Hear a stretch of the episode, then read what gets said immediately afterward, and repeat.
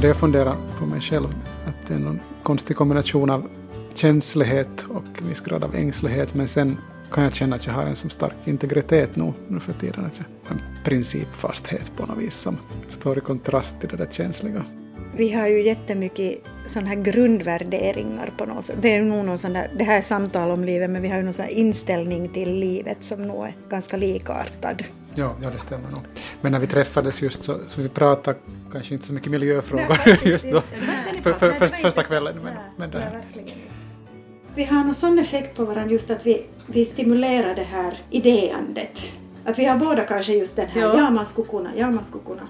Och så ibland då så nappar det på att vi båda, Beroende på det. Men, men, Vad nu- det gäller. men nu är du generellt kanske mer drivande då sen när det ja. Det här säger Kristin Furu och Simon Gripenberg i Jakobstad och det är dem ni nu ska få träffa i ett samtal om livet. Mitt namn är Ann-Sofie Sandström. För ett drygt år sedan, i slutet av maj 2015, ordnade konstnären Simon Gripenberg ett hållbarhetsseminarium i Jakobstad. Bortom hybris hette det. Och i samband med det seminariet ordnades också vernissage för Simons konstutställning Skisser och modeller för framtiden. Jag blev lite nyfiken på den här konstnärens engagemang i miljö och hållbarhetsfrågor och vi kom överens om att vi skulle träffas och prata mer om det någon gång senare. Vi träffades i höstas.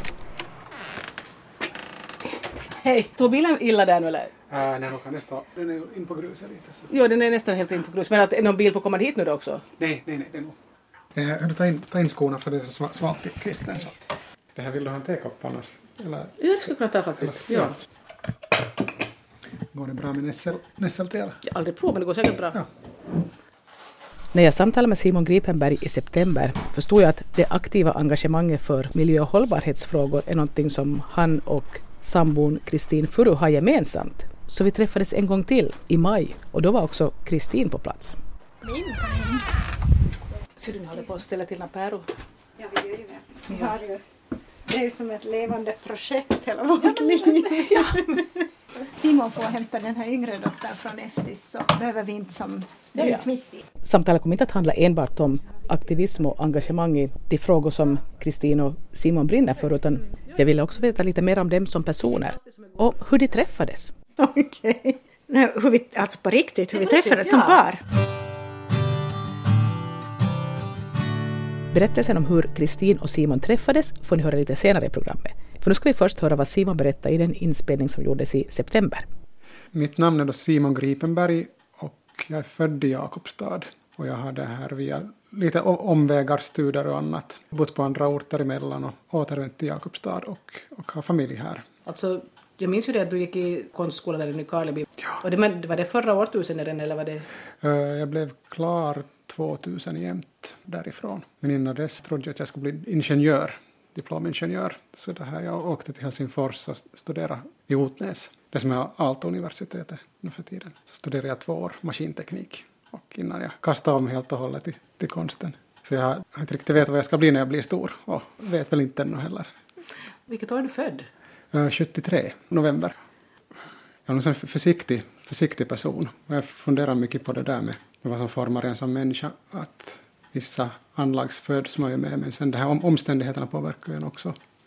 Hur var dina omständigheter då? Alltså jag tycker jag haft en sån trygg uppväxt. Härliga föräldrar som har brytt sig, brytt sig mycket. Två syskon, två lilla systrar. Men lite jag funderar på det här, om, om man har blivit den man är. Jag är ganska känslig, känslig som person. Var det någonting du tilläts vara det då? Uh, nog i det stora hela skulle jag säga. Men det här, i lå- lågstadiet så var det kanske viss, viss mo- mobbning och sånt.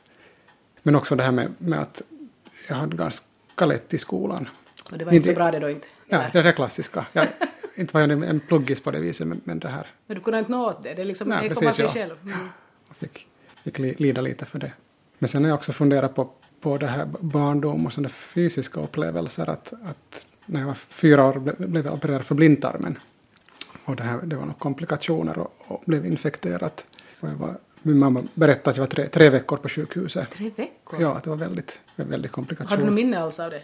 Nej, inte, inte skulle jag säga minnen, men jag tänkte på det med kroppsliga minnen på något vis. Och det här med känslighet, att kanske det sitter i någonstans ändå. Den biten från barndomen. Så lite det där med känslighet, att jag tänkt, tänkt liksom på det, att det kanske det är något fysiskt, sådär kroppsligt minne. Och, och sen det här att en viss mobbning. Inte var jag den som var mest utsatt men att ändå Det kändes en, liksom, en, en viss sån där äng- ängslighet.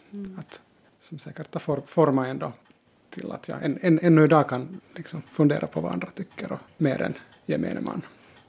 Men hade du någon slags dröm som du själv tänkte då när du gick i lågstadiet eller lite senare att jag skulle vilja bli det och det, att du hade någon sån där drömyrke du gick och fantiserade om?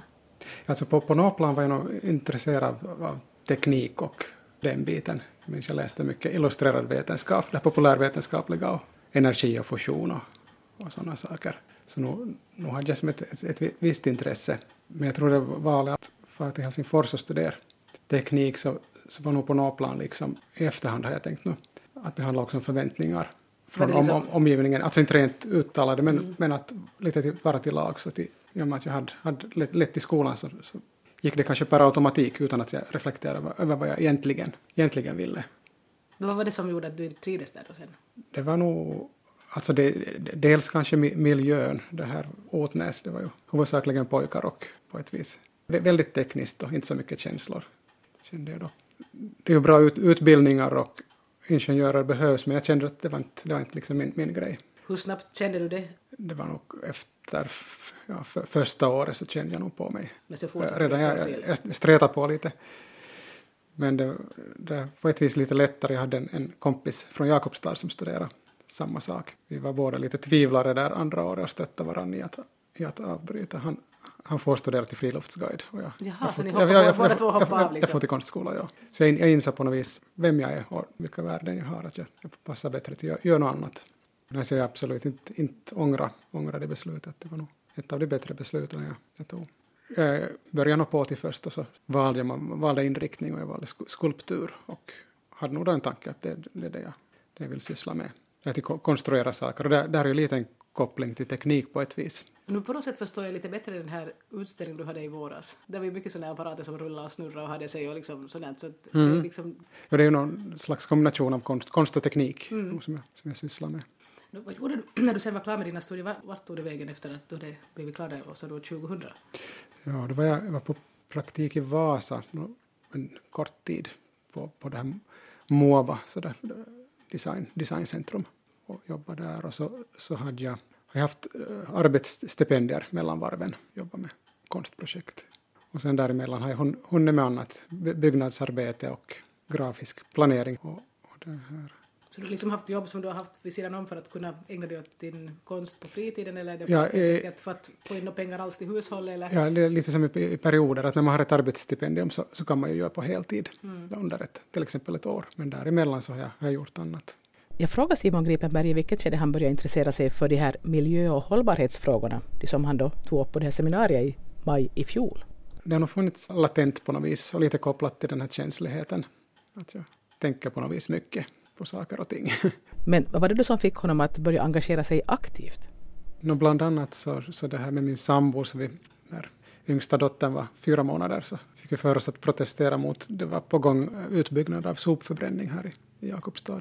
Vi läste på om de här sakerna och började enga- engagera oss och, och det blev kanske en sån där gnista på något vis. Att det där, Att det var liksom en, en lokal grej som ni precis, i? precis när nå, nå, Mm. någonting kommer nära och vi, och vi har re- reagerat på det här liksom principen i det kanske som att, att vi förstod att det eventuellt skulle kunna bli import av sopor och, och liksom vad, vad är det vettiga i att lägga fossila bränslen på att transportera sopor hit och dit. Det, eller ja, vi tyckte på något vis bara att det, att det kändes vansinnigt. Fast jag kan förstå att det ekonomiskt förstås är någonting som, som är lönsamt.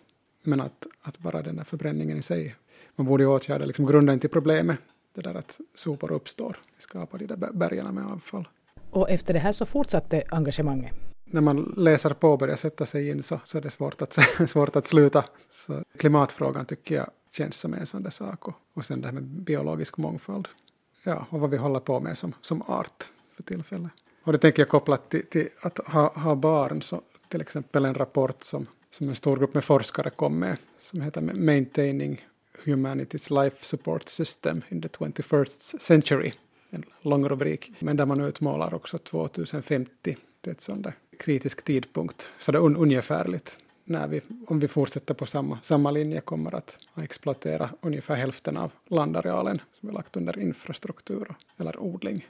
Det, här står också i andra rapporter mycket att, att mitten på århundradet kan vara en sån där kritisk tipping point. Om inte vi gör något så skiter det sig på riktigt. och jag tänkte att 2050 och just att, att, att med, med barn, att, att då är mina döttrar lika gamla som jag är nu. Det är en sån sak som jag kan känna att när, när jag har läst på om de här sakerna och, och är bekymrad så jag kan inte bara vara tyst utan man måste säga någonting.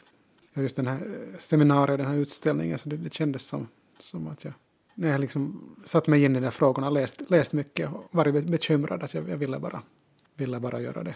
Det synliggör. Men det var liksom helt ditt eget initiativ, det var inte att du hade, du bara bestämde att du gör det här? Liksom, att du... Ja, jag hade, hade det här, det här stipendiet, konststipendiet och, och planerade då först den här utställningen som byggde kring äh, gamla skisser. Jag har haft skissböcker så jag brukar nu som då skissa ner tanketrådar och idéer kring ofta kombinerat konst och teknik och i den här utställningen så var det mycket, mycket skisser kring vertikala vindturbiner. Jag liksom, med intresse föl, följt med den här energidebatten i, i, i media och funderat på, på att det måste finnas andra, modell, andra modeller än de här tribladiga som, som bara görs större och större nu, som väcker så mycket, mycket prote pro, protestera hårt mot Precis, ja, att det finns att den vertikala vindturbinen så, så kanske det går till att hitta andra lösningar med den också. Sen i den här ut, utställningen så, så en sån där tanketråd var det här med enk teknik. Vi pratar ju mycket i vårt samhälle om, samhälle om high-tech och högteknologi. Jag tror på något vis att det här motsatsen, low-tech, att det finns mycket, mycket som vi skulle kunna vinna i att ha enklare lösningar. Jag frågar Simon hur han förhåller sig till all den ofta dystra information som han tar in hela tiden. Ja, alltså det, jag blir nog deppig ibland, det kan jag nog erkänna i någon mörk stund så nu har jag, nu har jag tänkt att livet skulle vara lättare om jag skulle ha, ha liksom ett vanligt jobb och inte grubbla på saker och fundera och analysera så mycket som jag gör. Att när man en gång, när det gäller de här hållbarhetsfrågorna också, att när man en gång börjar ge sig in i dem och läsa på så det är svårt att blunda kan jag känna. Men hur gör du för att inte bli helt deppig av allt när du läser på då? Men jag försöker vara i naturen mycket, om jag har möjlighet. På hösten kan man plocka bär och fjällvandra om det finns möjlighet eller paddla kajak så jag tycker naturen är en sån där energikälla på det sättet.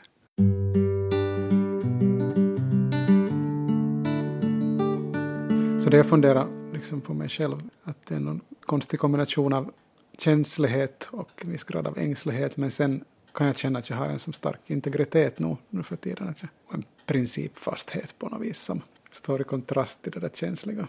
Ja, eller som kanske gör att du kan övervinna det då.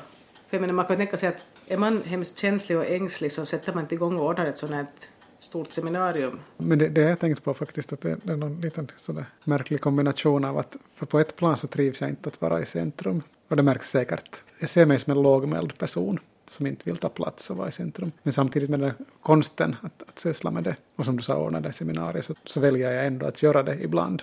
Det är inte din favoritroll? In, nej, inte min favoritroll. Alltså jag ja. känner väl att jag kan ta den, men att det... Men du gör det ändå för att det ska göras? Jag är med på det viset, ja. Mm. ja.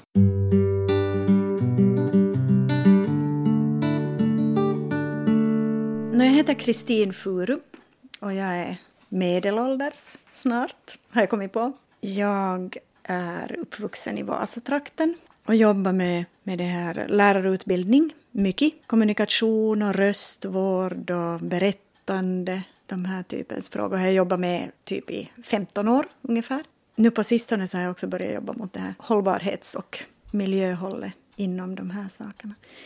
Vad mer? Vad vill du veta? Alltså, vad är... Du bor här nu, du med Ja, precis. Simon jag lever nu här. Vi, vi har två barn ja. som är hur gamla nu i det här skedet? Uh, våra barn är tio och sju. Hade du helt på klart från början vad du ville studera och vad du ville bli? Nej, alltså egentligen så ville jag bli arkitekt. Men jag var då, jag hade inte så stor tilltro till mig själv så att jag hade någonstans läst statistiken på hur få som kommer in till det. Och jag var också intresserad, jag har alltid varit intresserad av människor och språk och kulturer och psykologi och så här. Och uh, logopedi föll sig sen väldigt naturligt. Att jag det, tänkte att det är också svårt att komma in men det var lite lättare. så jag sökte in och så, så kom jag in också på första försöket dit. Så jag studerade i Helsingfors då i tiderna. Och Eh, läste lite musikterapi och sådär. Så jag har nog alltid varit liksom åt det här ja, kommunikation mellan människor hållet på det sättet och berättande och, och så. Jag blev färdig med min utbildning 95 och då jobbade jag i Umeå ett år och i Pargas ett år och sen i Vasa ett år. Och sen så blev jag på något vis så här värvad till PF och komma dit och föreläsa om barnstal och språksvårigheter och röst och muntlig kommunikation. Och så en period så höll jag på så där att jag undervisade där och gjorde sådana konsultjobb på olika ställen. Men sen småningom så gick jag, eller jag insåg väl att mina resurser är begränsade, jag kan inte vara överallt hela tiden. Så de senaste åren så har jag egentligen bara jobbat inom lärarutbildningen och med forskningen. Jag ber Kristin berätta om sin forskning. No, det var så då när jag började jobba vid PF och jobba med röst och röstvård för lärare att eh, jag började inse att de verktyg som jag hade fått på min utbildning, som ju var väldigt så här, medicinskt inriktad, så kanske inte riktigt räckte till för att förstå att hur kan man nu bäst jobba med det här förebyggande arbetet. Alltså jag hade ju mycket kunskap om vad man ska göra om problemen redan har uppstått. Så att då småningom så började jag läsa in pedagogik och sen började jag då göra en studie som handlar just om det, att hur blir lärare professionella röstanvändare? Att hur ser den där processen ut? Så då, då skrev jag först en LIS-avhandling och sen en doktorsavhandling om det. 2011 disputerade jag på den. Då hade du små barn? Ja. Hur gick det ihop alltihopa? Ja, vad ska vi säga? Jag är ju här nu, men nog kan vi väl helt så öppet erkänna att vi hade några år som var ganska intensiva. Det var så kris på kris och det är ju positiva kriser att få barn. Eller också att skriva en avhandling är ju jättemycket positivt med. Men att under några år där så, min mamma var svårt sjuk och gick bort. Under och, samma tid? Ja, under samma tid Oj. faktiskt. Ja, det var mycket annat sådant som hände som nog skakade om den här grundtryggheten. Alltså på en tioårsperiod mellan 30 och 40 så var det liksom eh, den stora kärleken och två barn och ett renoveringsprojekt och en mamma som var sjuk och en mamma som dog. Och det var liksom väldigt mycket så här jättefina saker och jättejobbiga saker som nog tog mycket på krafterna på något sätt. Men du tycks ha överlevt? Min pappa sa en gång åt mig att vi furor är ett segt släkte och det, det ligger det mycket i. Men sen kan man väl tänka så här att det är en sak att överleva och sen kanske man ändå betalar ett pris och det priset betalar jag ju nog fortfarande. Att, alltså när man är mitt i någonting så är man ju bara, man måste ju bara ta det då. Och sen när det börjar lugna ner sig så kanske det kommer de här, liksom man, man börjar som märka av effekterna. Och det finns de här monologerna med vad heter han nu då, Sven Kobacka, du vet. Mm. Mam din var tungsint och papp din var tungsint. Hela Alltså, släkten hela är släkten. Jag tror jag var lite tungsint. Jag tror jag hände med mig att den här positiva optimisten som alltid tänker att ja, men det fixar nog sig, så insåg att nå, nå, alltid fixar det ju nog faktiskt inte sig. Att folk kan ju faktiskt nog på riktigt liksom dö ifrån en när det inte alls går bod. Och liksom att, att mina egna resurser ibland är oerhört begränsade i förhållande till vad jag då upplever att vara livets krav. Och så här. Men det är ju också en nyttig erfarenhet. Men att förhålla sig till det och, och liksom, Simon vet, jag, alltså jag skulle kunna få någon sån där utmärkelse i att inte klara av vaknätter på något konstruktivt sätt. Sådana saker som ju påverkar alltså helt på riktigt kemin i hjärnan. Du menar vaknätter när man har små barn? Ja, Mm. till exempel. Och vaknätter för att man har småbarn som vaknar och sen när man vaknar så är man så orolig så man kan inte somna om för att man börjar tänka på sånt här Usch, ja. annat. Ja, ja, alltså sådana saker. Så att kom tillbaks till något sånt här liksom och hitta det där att, att nu är det ju som inte kris nå mera nu då, så nu kan jag Nu kan- slappna av. Men kroppen tror att det fortfarande är kris? Ja, ja. Men en del sen, sånt. sen tror jag att vi, vi båda har kanske det här med, med stresstålighet. Eller otålighet. Ja, eller vi, på jag tänkte säga att nivån av stresstålighet är, Ja. är lägre än den har varit när man var, var ung. Så är det nog. Vi hade också en period i livet med, med burnout. Det var efter, efter konstskolan eller i slutet av, på något vis, som du var Kristin, in på det här också med positiv stress. Att jag, jag studerade då i Otnäs maskinteknik och skulle bli ingenjör och, och märkte att det var min grej. Och kastade om och, och började studera konst och trivdes så våldsamt bra med det. Det var liksom himmelriket på något vis. Och jag, jag gick in i många projekt och, och det gick onödigt hårt en period. Så jag, jag, fick en, en, en burnout där. Och jag märker efter det att jag, jag aldrig har återhämtat mig helt. Att jag tror att man, man lever ju med, med det på något plan resten av livet. Jag kan tänka mig, som då, när vi har diskuterat, att, att du kanske på något plan har samma sak. Att man, Absolut. och som vi, som vi också har konstaterat här när man, man bildar familj och får barn, att man, det kommer många nya uppgifter in i tillvaron. Att man hinner ju inte med så mycket som man hann med förr. Alltså jag kommer ihåg när vårt äldre barn var kanske ett och ett halvt eller två, så satt vi på fullaste allvar här i soffan en kväll och liksom Ja, det är ju nog kanske så att när man har små barn att man kan ju inte kanske riktigt ha liksom kvar alla de där hobbyerna och allt det där. Och jag tänker nog bara att, att hade vi på riktigt fram tills det trott att det var nog som möjligt att, att göra allt det där fastän det då hade förstås hänt saker som tog mycket av, av mm. vår tid. Men det tyckte jag ju jag var jättespännande här för några år sedan när det började komma den här populärvetenskapliga vågen om högkänslighet. För det gav mig liksom en helt ny insikt om vad jag är för typ av människa. Att det här med att, att vara just så här receptiv och ta in mycket och lämna och snurra på det och lite fundera och associera och hålla på. Att när jag förstod att men det är som helt, det, det är nu ett personlighetsdrag som man kan ha, som bär med sig vissa fördelar förstås, men som också kan då vara Speciellt om man råkar ut för sådana här livskriser, att det kan också ta väldigt mycket energi. Men för mig så, så blev det nog också ett slags sån där aha-upplevelse att inse att, att ja, att jag kanske som behöver lära mig att handskas med det här och att liksom ibland ja, skapa den där återhämtningen eller liksom skapa den där balansen.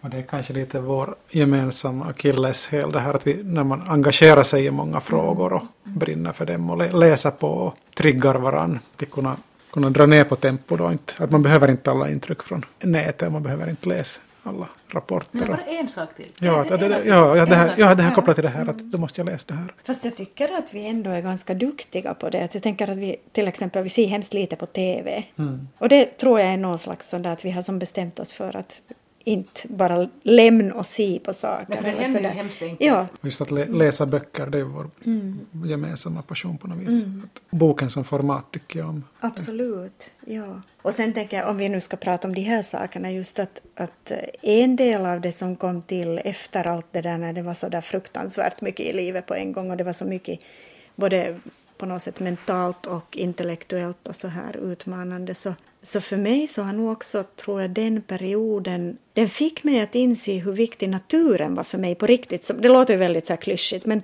naturen som kraftkälla och att liksom, att vistas i naturen för det är som du brukar säga ibland, att man är så otroligt liten, man är ju bara en liten lort i förhållande till något berg som har funnits där i årtusenden. Och att det är någonting befriande i det. Mm. Men samtidigt gör det också mig mera så här mån om att, att faktiskt värna om den här naturen och liksom jag tänker att vi har ju som ett enormt illamående i vårt samhälle idag och människor är liksom vilse med det ena och vilse med det andra. Och som jag kan då tänka att, att hur många av oss som kanske skulle kunna må på många sätt, liksom vara mera i kontakt med oss själva just via det att vara i kontakt med naturen också, att där finns någon slags sån där fantastisk spegel i den. Känna att man är en del av någonting större, ja. en större berättelse som ja. fortlöper efter man, ja, man själv är på det här klotet också. Det tycker jag som när man till exempel fjällvandrar eller mm. rör sig det där med, som du var in på med att, att man känner sig betydelselös på ett sådant skönt sätt. Mm. Att om man har, har stress inombords så det, det bleknar bort ganska snabbt när man märker att det andra har funnits här och kommer att finnas. Mm. Men också i den situationen just att vad, vad lämnar jag för spår? Att vill jag lämna stora spår i den här naturen som, eller vill jag inte? Jag vill inte lämna stora spår. Att på något vis det där, att vara betydelselös och betydelsefull samtidigt, men utan att det ska liksom nödvändigtvis lämna så mycket avtryck fysiskt. Jag vet inte om jag lyckas säga det där som jag menar. Det är svårt det här med kommunikation. Ja, men ja, du är ju forskare, du vet ju vet hur svårt det är. Ja. Nu skulle jag vilja veta hur Kristin och Simon träffades. Nå, det var nu så att vi var på en fest som våra gemensamma vänner hade ordnat. Vi visste inte då i det skedet att det var gemensamma vänner. Så träffas vi och så sa det klick. Visst, ungefär. Ja. Vad var det för speciellt som gjorde att det sa klick då? Ja, alltså... Ja. Ska jag, eller jag kan inte berätta för din, för din del. Ja, vems version är det som ska liksom... Precis, vem har tolkningsföreträde? No, men om du berättar nu att hur kändes det för dig? Det här hade jag inte räknat med att vi skulle tala om i radion, men det, det kanske okay. Men det är ju samtal om livet, det är också om det livet. Samtal om livet, det är nog bra. Nej, men nog kändes det bra. alltså, vad var det för speciellt som gjorde att, du, att hon kändes som den rätta?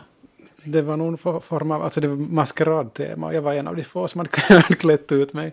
jag var utklädd till Thomas Di Leva faktiskt. De hade, det var te, tema re, resa, så jag var ute i universum och, och rest. Men jag har minne av att Kristin hade hittat en flytväst som hon var utklädd i en del av Mm. kvällen. Så det tyckte jag var, var sympatiskt. ingen, ingen ska kanske göra några stora tolkningar på det här. Men jag minns att jag nog tänkte att, att det tydde på någon slags integritet och en viss form av sån här personligt mod. Att ta det här utklädningsmaskeradtemat på det sättet på allvar. Det tyckte jag var väldigt sympatiskt, alltså att, att du hade så här kurage. Till exempel själv var ju väldigt sådär mesigt, någon slags Kina-inspirerad topp. Så det är som, du vet. Plus en, flytväst då eller Ja, nå i ett skede av kvällen, ja. Men alltså helt seriöst så tror jag nog att åtminstone för min del så kändes det som att det var någon kombination av intelligens och kreativitet och sådär som det nu är. Att man, man känner igen sig själv kanske lite någonstans. Ja, jag, jag kände nog på något vis det här med, eller vi, jag minns inte exakt vad vi pratade om, men att en tänkande, kännande människa. I vilken ålder var ni båda två när det hände då? Ja, typ 30 plus var vi ju båda Mm, två. Och båda var lediga, det är ju ganska sådär otippat. Folk brukar ju fastna med någon. tidigare. Det var nog kanske mera det där inte hitta den rätta, tänker jag. Att om jag nu så här i det här skedet ser tillbaka på det så tror jag att det var någon form av... Alltså inte växer det ju människor på träd som är sådär som är både finurliga och fiffiga och liksom varma människor sådär i utelivet. Jag menar det, det är nu bara så. Så att någon, någon form av sånt liksom långvarigt sökande. Och när man äntligen hittar så yes! Ja men så var det nog att det kändes som att det här var nog Mm. Nu kan jag hålla med. Men det tror jag ju alltså att vi har ju jättemycket sådana här grundvärderingar på något sätt. Det är nog någon sån där, det här är samtal om livet, men vi har ju någon sån här inställning till livet som nog är ganska likartad. Ja, ja, det stämmer nog. Men när vi träffades just så, så vi pratade kanske inte så mycket miljöfrågor faktiskt just då. Nej, Första kvällen, men, Nej, men det nej.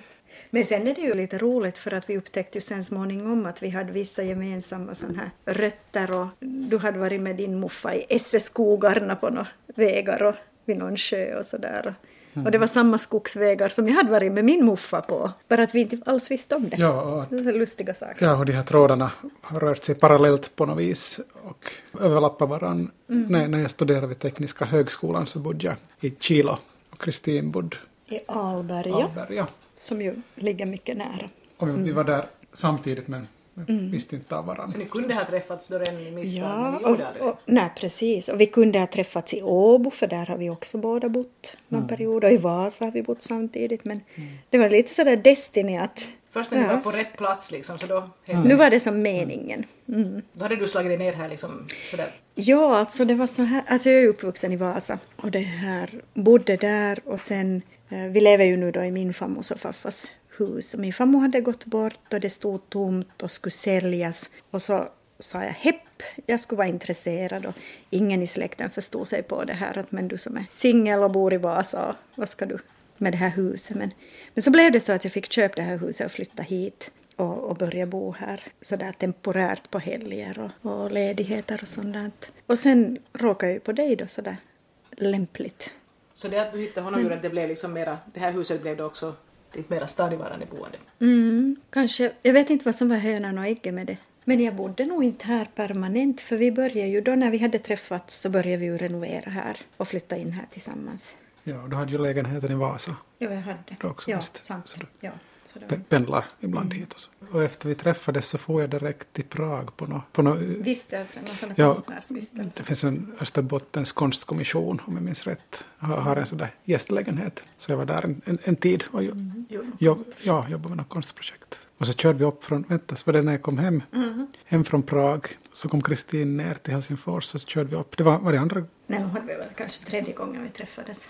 Ja, men jag minns det var, det var så där roligt. Vi, hade inte, vi kände inte varandra så väldigt bra ännu. och Så, så där körde vi upp från Helsingfors tillsammans. Sen var det liksom, det var inte, du då. Nej, Nej, det var nog... det var nog så. Men kanske det också, eller jag brukar sådär skoja om det, att när man träffar någon på äldre dagar så på något sätt så nog äldre och äldre, inte det är ju så mycket äldre, men ändå att, att man, man kanske känner sig själv på ett annat sätt än vad jag åtminstone gjorde när jag var 20 plus. Och på något sätt också fattar det där att vad är det som man vill ha och vad är det man vill bygga upp och liksom jag tänkte på det också, att, men, men det har ju varit som på något vis för oss alltid att, eller det börjar ju från så väldigt så här extremt ärliga diskussioner. Att det har ju aldrig funnits någon sån där spel fasader, eller fasad. nej. Eller något sånt låtsades vara annat. Precis. Nej, nej. Och, alltså antingen så skulle det ju väldigt snabbt ha visat sig att det här är helt fel. Eller så är det så att, att, nej, men att det här känner man att det, det här. Nu låter det som det ska vara väldigt så här idyll. Men nu är ni väl helt vanliga människor ni Det, vi är nog jättevanliga människor. vi är nog som alla småbarnsfamiljer. Jag kan tänka mig att ja, ni kanske också ibland är lite oense om någonting och kanske... händer. händer. ihop. Det är Ja. nog så. Ja. Men det är ju som någon som känner en bra så i bästa fall så är den ju också ens bästa eh, bollplank i det att se sina egna vad ska man säga, utvecklingsmöjligheter. Alltså att man lär ju sig hemskt mycket om sig själv och måste liksom slipas mot. Att man u- utmanas på ett hälsosamt sätt i vissa saker.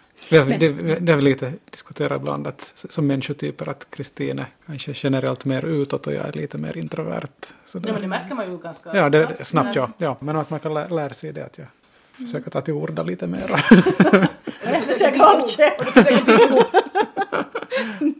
Nej, Nej, nej, men vi kompletterar ju varandra bra.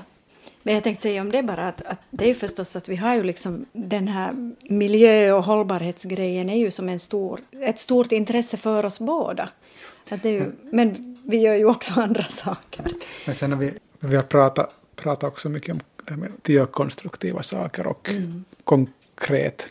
Liksom, just det här jordnära, det här företaget som vi registrerar. Så vi har tänkt att, att det skulle vara någon form av sådär tak för idéer och diskussioner. Men den där gru, grundidén till det där jordnära namnet så då kom, det kom egentligen från, från det här med odling. För vi, vi har varit intresserade länge kring att, att odla, odla grönsaker och, och kryddor. Och hade en tanke kring att experimentera med att bli åtminstone delvis självförsörjande och kanske framöver rent av kunna sälja något litet överskott, ha en mindre biinkomst av det. Så, så det här jordnära, det hette först jordnära grönsaker och kryddor hade vi i första logon med.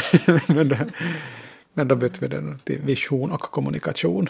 Och att man kan odla, ja, att vi... Man och- kanske och- och- odlar idéer. Ja, odlar idéer också. Att det blir. Men det här konkreta odlandet av grönsaker har inte vi lämnat bort utan vi Nej. experimenterar lite med ekologisk växtföljd. Och odlar, odlar på en mindre yta. Jag tycker det är fascinerande också med, med hur liten yta man skulle klara sig på. Alltså man, det är den där tiden man lägger i det. Men inte ens den är ju jätte, jättestor om man slår ut det liksom per dygn under sommarhalvåret. Vad var det vi räknade? Det var under två timmar utslaget per, per dag.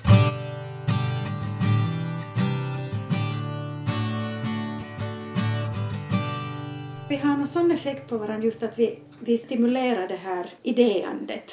Att vi har båda kanske just den här, Ja. ja, man skulle kunna, ja man skulle kunna. Och så ibland då så nappar det på att vi båda Beroende på det. Men, men, Vad det gäller. men har du generellt kanske mer drivande då? Sen när det... Men jag tänkte på det här med, med era gemensamma projekt, alltså var det första, det var det här liksom när ni började engagera er mot den här förbränningen där vi... Nu var det ju som det första sådär offentliga väl. Mm, det var nog, ja. Nu har vi ju haft miljöintresse och naturintresse länge före det. Men jag tror det var första tillfället som vi sådär konkret började engagera oss i, i någonting. Och kanske på ett sådant bredare plan att vi gick ut i media och, och sådana kanaler. Och så är det väl... Så minns jag en picknick i somras. Ja, precis. Ja, no, vi har Det har ju... säkert funnits mycket däremellan men Nå, den här frågan om kärnkraft så är ju en sån här, vad ska man säga, ideologisk sak för oss båda och har alltid varit. Att det är ju inte något nytt, men det blev ju väldigt konkret när det kom de här planerna på att bygga någonting ändå i relativ närhet här. Att vad finns det för möjligheter att, att visa att det här är nu inte något som man bara är okej med och tycker att vi kör då. Så den här gröna picknicken så, den kom ju... No, det var ju så många turer i den här kärnkraftssoppan då på sommaren. Och då funderade vi mycket på, det var Hiroshima-dagen, det var mycket det som gjorde att vi ville ordna någonting. Och, Och kanske till få en konstruktiv twist, twist på det. För det vi pratar en hel del om det här att, vara emot, emot saker så, så det här är väldigt betungande för en själv i längden. Att man kan lyfta fram alternativen också. Den där din utställning som du hade i ungefär ett år sedan, är det samma du haft i Jyväskylän också eller vad var det? Det var de, delar av samma Ja. utställning. Ja. Så jag förstod att det också liksom delvis har att göra med konstruktion av någon sorts vindkraftsgrej som sådär i konstformen i alla fall. Jag menar du tycks fundera på det här hur man får energi på annat sätt än genom kärnkraft.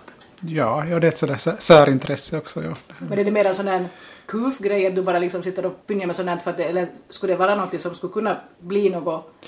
Alltså, primärt. Så det är väl nog eh, projekt för att inspirera och visa att man kan tänka på andra sätt. Men kanske någon, någon av de där modellerna skulle gå att vidareutveckla. Men sen, sen är jag personligen fascinerad av de här små, små lösningarna. Jag tror det är lite där var... Kanske inte ändå så små som de som då det Nej, nej, nej, nej. nej. li, li, li, ja, kanske bordsmodeller. Nej, lite större. Men det här med att man ideologiskt motsätter sig de här stora komplexa lösningarna som vi ser. Man har alla, alla ägg i en korg. Jag tänker vi ser bara Talvivaara, Olkiluoto Trio och alla att, att det är någon sån där fetischism för stora mm. saker som är komplexa. Och det själv tilltalar sig av de här enkla små lösningar. Mm. Att man har mångfald av lösningar. Sen tänker jag också att det är ju någonting med det här att i de här stora lösningarna så kan man också gömma mycket av de här konsekvenserna. Alltså om man nu tar just exemplet kärnkraft så finns det ju jättemycket konsekvenser för miljö och människor på annat håll. Uranbrytning eller hantering av det här avfallet som kommer, kommer att påverka generationer efter oss. Men det kan man på något sätt lite sådär gömma undan. Men har du en småskalig lösning så är det ju, när du ser den där vindmällan och du kanske stör dig på den, men du är som i kontakt med vad det innebär att skapa den där energin. Och det tror jag är en sån här grej också lite i vår kultur att vi, och det hänger ihop för min del tänker jag med också att vi, vi liksom skuffar ifrån oss hela den här ohållbarheten därför att vi, om inte vi riktigt måste se konsekvenserna så vill vi inte göra det. Att det är så lite behändigt att man bara trycker på en knapp och så har man ström och så behöver man inte fundera varifrån den har kommit. Och just med den globala kapitalismen som vi har, att, att det här, om man tar de stora multinationella företagen, att de, de får ju dit där billigast arbetskraft och, och där man behändigt kan förorena. Men där tror jag att det börjar komma tak emot på något vis, att, att det finns inte så många ställen att, att exploatera på ett enkelt sätt längre. Så att vi måste, tror jag, på ett personligt plan börja reflektera över det här med att vill vi skapa ett annat samhälle eller vill vi ha ökad konflikt? För mm. jag tror att när vi pratar om tillväxt att vi alla ska ha mer. Och, så de frågorna när, när vi pratar om dem så är det ofta på ett sånt där bredare plan också, inte bara det här energipolitiken. Det är ju så, allt hänger ihop och jag tänker att energi är på något vis ändå så där väldigt symboliskt därför att hela vår nuvarande livsstil så drivs ju med energi och vi är liksom fossilberoende på alla tänkbara sätt. Så att kring det där energi så snurrar ju hemskt många av de andra frågorna. Jag tänker ju nog mycket att de här miljöfrågorna handlar om någon slags etisk-moralisk dimension som vi för tillfället är ganska underutvecklade med. Och, och som det inte heller alltid finns ett utrymme för att diskutera eller odla eller utveckla.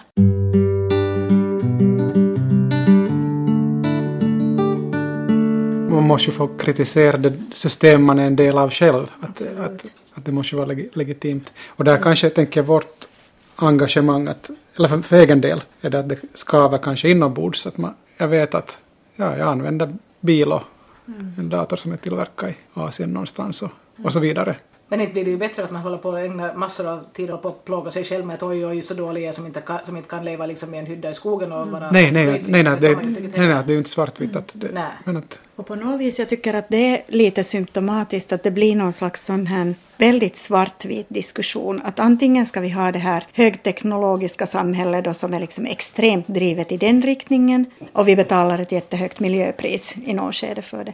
Eller så ska vi då tillbaka till stenåldern och vi ska försaga allt och gå i säck och aska. Att den där svartvitheten så betjänar ju någons intressen också. Att man inte som ser nyanserna. Att, nej, men kanske finns det vissa punkter där vi kan bestämma att okej, okay, det är viktigare att vi har vatten vi kan dricka och luft vi kan andas än att vi då har X som liksom står för någon sån här modern grej då som kanske inte funkar. Att med, med just de där nyanserna i det, att inom det system vi har nu så kan vi ju också göra förändringar.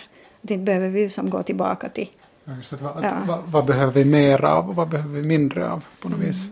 Tänkte jag hörde här om veckan i radion också i nyheterna om någon representant för bilindustrin som var så glad när de hade ökat, ökat försäljningen i år igen. Och det förstår man förstås att alla har sina egenintressen och har man sitt levebröd eller någonting så, så pratar man förstås för den, den saken. Men kanske är det lite en del av problemet. Jag har läst en del intressanta texter på sistone om det här med liksom att vi inte tänker i helheter. Och vi, vi odlar ju inte heller det här helhetstänkandet på något som helst sätt. Alltså vi odlar ju den här specialiseringen och var och en i sin låda eller box mm. väldigt mycket. Men att då blir det också lättare att att på något vis just välja bara en sån, att min sanning är nu det att det är jättebra att det säljs mera bilar. Men man behöver inte befatta sig med att vad är konsekvenserna av det och så här. Nu blir det nu bilindustrin som ett exempel, men det finns ju hur många som helst andra sådana här.